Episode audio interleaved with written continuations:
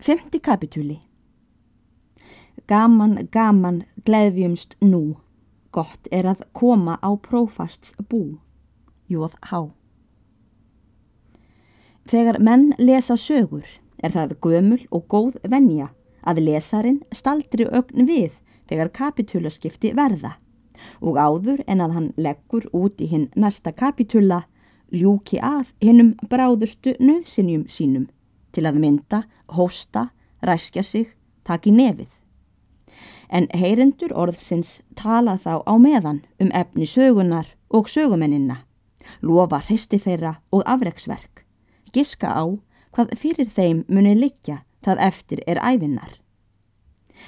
Ég efast ekki um, lesari góður, að þú hafir haft þessa reglu og staldrað dálítið við þegar kapitúlaskiptin urðu síðast en ég vildi óska að viðstafan hefði að þessu skipti orðið í lengra lægi, svo að þú betur gætir ímynda þér hvaða langt er frá því að þú skildir við sögumennina í seinasta kapitulanum hér að framann.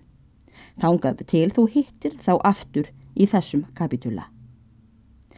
Það eru sem sé liðin sjö ár síðan og þú verður að meðtaka það með trúni sem sannleika.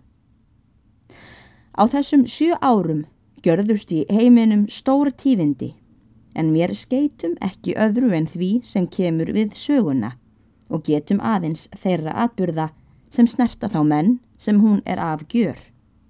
Það er þá fyrst að segja að á þessu tímabili varð prófastaskipti þar í síslu. Kusu þá nokkrir prestar sér að Sigvalda Árnason á stað og var hann narri orðin prófastur og þjónaði því ennbætti sem settur þrjá mánuði, tvær vikur og tvo daga. En svo atvikaðist samt að ekki öðlaðist hann þá tign. Látum mér oss litlu varða hverjar orsakir til voru, enda höfum mér fáar sögur um ennbætti störf sér að sigvalda eður hlutekning hans í alþýðulegu málum.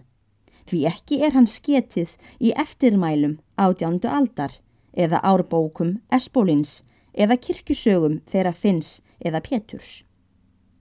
Nefna það sé sá hinn sami sem nefndur er prestur til holts, en það getur varðla verið. Því eftir þeim annál sem ég höfum fyrir oss var sér að Sigvaldi Árnason á stað aldrei prestur að holti. Og það verður mér að hafa fyrir satt, þar til við sjáum glögglega grein fyrir að hann hafi nokkur tíman annar staðar verið. Að hlýð urðu á þessum árum þau umskipti að Sigurður Bóndi hafði tekið að velli gömlu baðstofuna og reist hana af nýju og má það óhætt telja einhver hinn mestu tífindi sem orðið geta á bóndabæ. Að öðru leiti stóðu þar allir steinar í stjettum og allt fór þar fram á venjulegan hátt.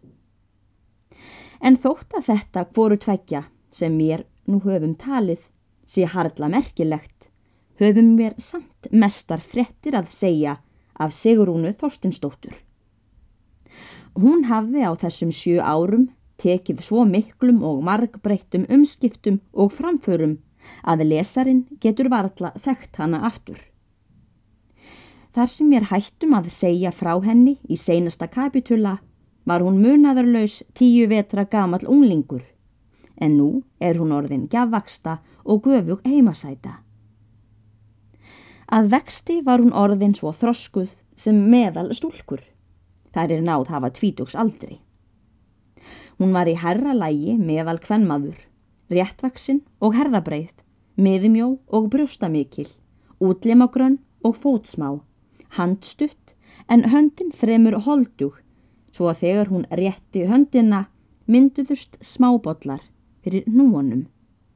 Fingurnir voru skammir og þó jamt framdregnir og svo kvítir sem nýfallin snjór, neglurnar litlar og gagnsæjar. Sigrún var fríð kona yfirlitum og nokkuð tóginleit. Hver hluti andlitsins var fagur, ennið miðlungi hátt, nefið rétt eins og það hefði verið högvið í marmara í Aþenuborg laungu fyrir Krists burð af myndasmiðum. munnurinn smár og varirnar framstandandi, tennurnar jafnar og hvítar, lágar og breyðar, hakan lítil og hvít með ofurlittlu skarfi í. Augu hafði hún svart blá og heldur í starra lægi. Yfirleiturinn var hrustlegur og skiptist fagurlega. En þó að sér hvað í andliti Sigrúnar var í mjög svo fagurlega myndað, myndi enginn hafa orðalagt friðleik hennar, ef það hefði ekki aukið á fegur þennar hversu allt í andlitinu samsvaraði hvað öðru, og svo vöxtur og hár, og hvað svipurinn var hýrlegur, viðfeldin, fjörugur og blíður. Það var og eitt sem mest prýðir hvern hvernmann að hún hafði svo mikið hár að það tók ofan fyrir knið er hún stóð upprétt og vel gat hún fléttað það og brúðið fléttonum um mitti sér svo að saman næði. En þá var eigi sá siður að fjötra fagra lokka heldur láta þá leika sér lausa. Eins og Sigrún hafði tekið framförum að vexti og vænleik Eins hefði henni flykt fram í allri kunnáttu og kvenlegum íþróttum. Frá því að þau hjónin í hlýð urðu ásátt um það að taka Sigrúnu að sér hafði Þórdís lagt alla stund á að manna hanna. Kendi hún henni sauma og matreðslu sem týðkast á bóndabæjum og með því að Sigrún var bæði góðum gáfum gætt og á hinbógin hlýðin og ráþæg við fóstur sína kom svo að hún í þessu fekk þær framfarir að hún þótti um flest jafnóki heldri bændadætra eður meira. En eftir því sem Þórdís sá hversu vel henni hefnaðist að menta Sigrúnu, þess meiri alúð varði hún til að frama hana í öllu og lagði jafnframt svo mikla ást á hana að hún gat varðla sér af henni stundu lengur. Let hún hana nú jafnan vera sér við hönd en hlýfði henni við öllum stritverkum nema þegar eitthvað þurfti fljótlega til að taka. En helt hana jafnan sæmilega í klæðum. En það var Sigrúnu eins varið og flestum ungum stúlkum þeimir hafa fengið á hugmynd hvenna að þær munu ekki vera í tölu hinna ófríðustu að hún hafði gaman að því að snotra klæði sín og láta þau fara laglega og sérilagi á mannfundum. Og var hún þá jafnan á íslenskum búnaði vönduðum sem fóstra hennar gaf henni. Hvern dag var hún svo búin að hún var í vaðmálspilsi bláu, skósíðu, klæðis upplut dökkum með silfurmillum á og reymuðum saman að framanverðu. Og þar utan yfir var hún í prjónapeisu blári, nærfældri og að framann var krekt með krókapörum. En þó voru nokkur er hún sjaldan krekti. Það voru þrjú efstu pörin. Annað hvort að því hún þóldi ekki að þrengja svo að sér eða hitt að hún hirti ekki um þó að brjóst hennar tækju sig svo út sem und var. Hún hafði dökkbláa húfu á höfði með svörtum silkiskúf sem jafnan fjall ofan með hægri vanga hennar og namið aukslinna. Hárið let hún oftast leika laust niður um herðarnar, en stundum brá hún á það likju upp undir húfuna af aftanverðu og fjall þá tvöföld likjan ofan um herðarnar. Það var að tvent sem Þórdísi húsfreyju þótti vanta á mentun og kunnáttu Sigrúnar fóstursinnar, svo að hún væri eins vel að sér í öllu því sem þá var tíðganlegt að kenna ungum stúlkum, þeim er kallaðar voru góðir kostir. Það var eitt að hún kunni ekki pelsaum og blómstursaum og útsaum og hitt annað að hún kunni ekki að draga til stafs. Þetta treysti þórti sér ekki til að kenna henni til fullnustu og með því engir bægir voru þar í grend er svo stæði á að þessar listir erðu numdar þar nema á prestsetrinu stað. Tóku þau hjón það ráð að koma henni þangað um tíma hjá prestskonu, er var annáluð fyrir hannirðir og bókmendir.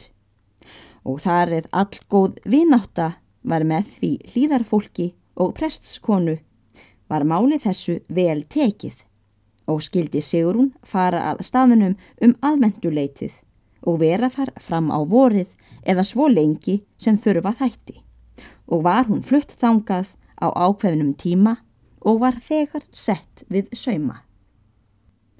En nú verðum mér að geta þeirra manna sem þá voru á staðnum og lýsa þeim fyrir lesundunum. Vonum mér þá að þeir þekkist betur af sögunni. Fyrst skal frægan telja og það er prestur.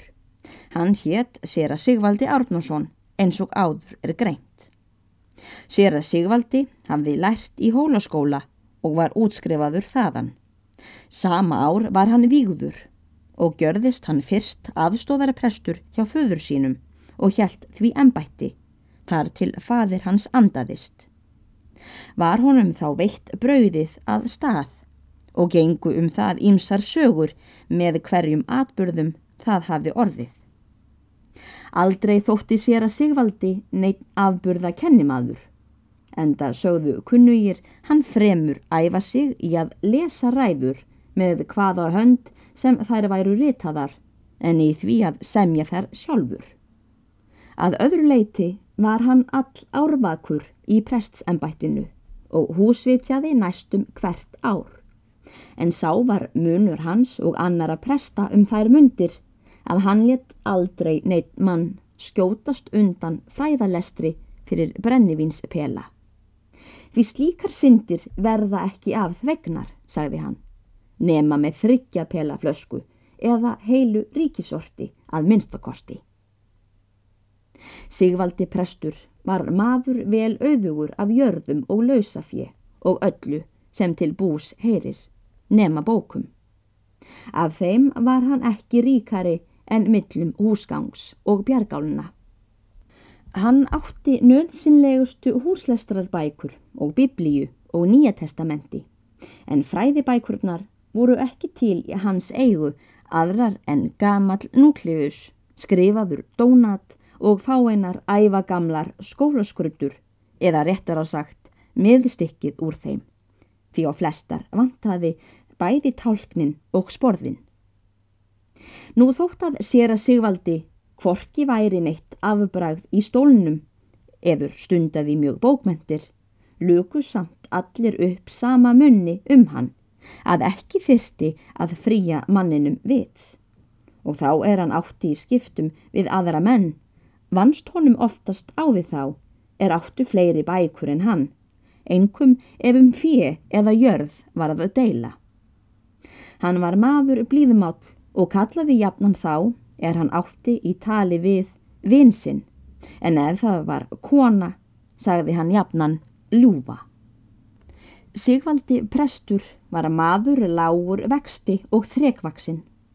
Á yngri árum hafði hann verið ljós á háralitt og rauður á kampa. Nú var hann orðin sköllóttur næsta en kamparnir stóðu eftir og þó hardla gráir fyrir hærum. Hann var grannleitur og fölleitur, varaþunnur og nefbjúur og um flest heldur óálitlegur nema til ögnanna. Þau voru dökkblá og all snarleg og hefðu átt betur við að setja í einhverju öðru höfði. Hefði ekki nokkurs konar limsku svipur skenið út úr þeim.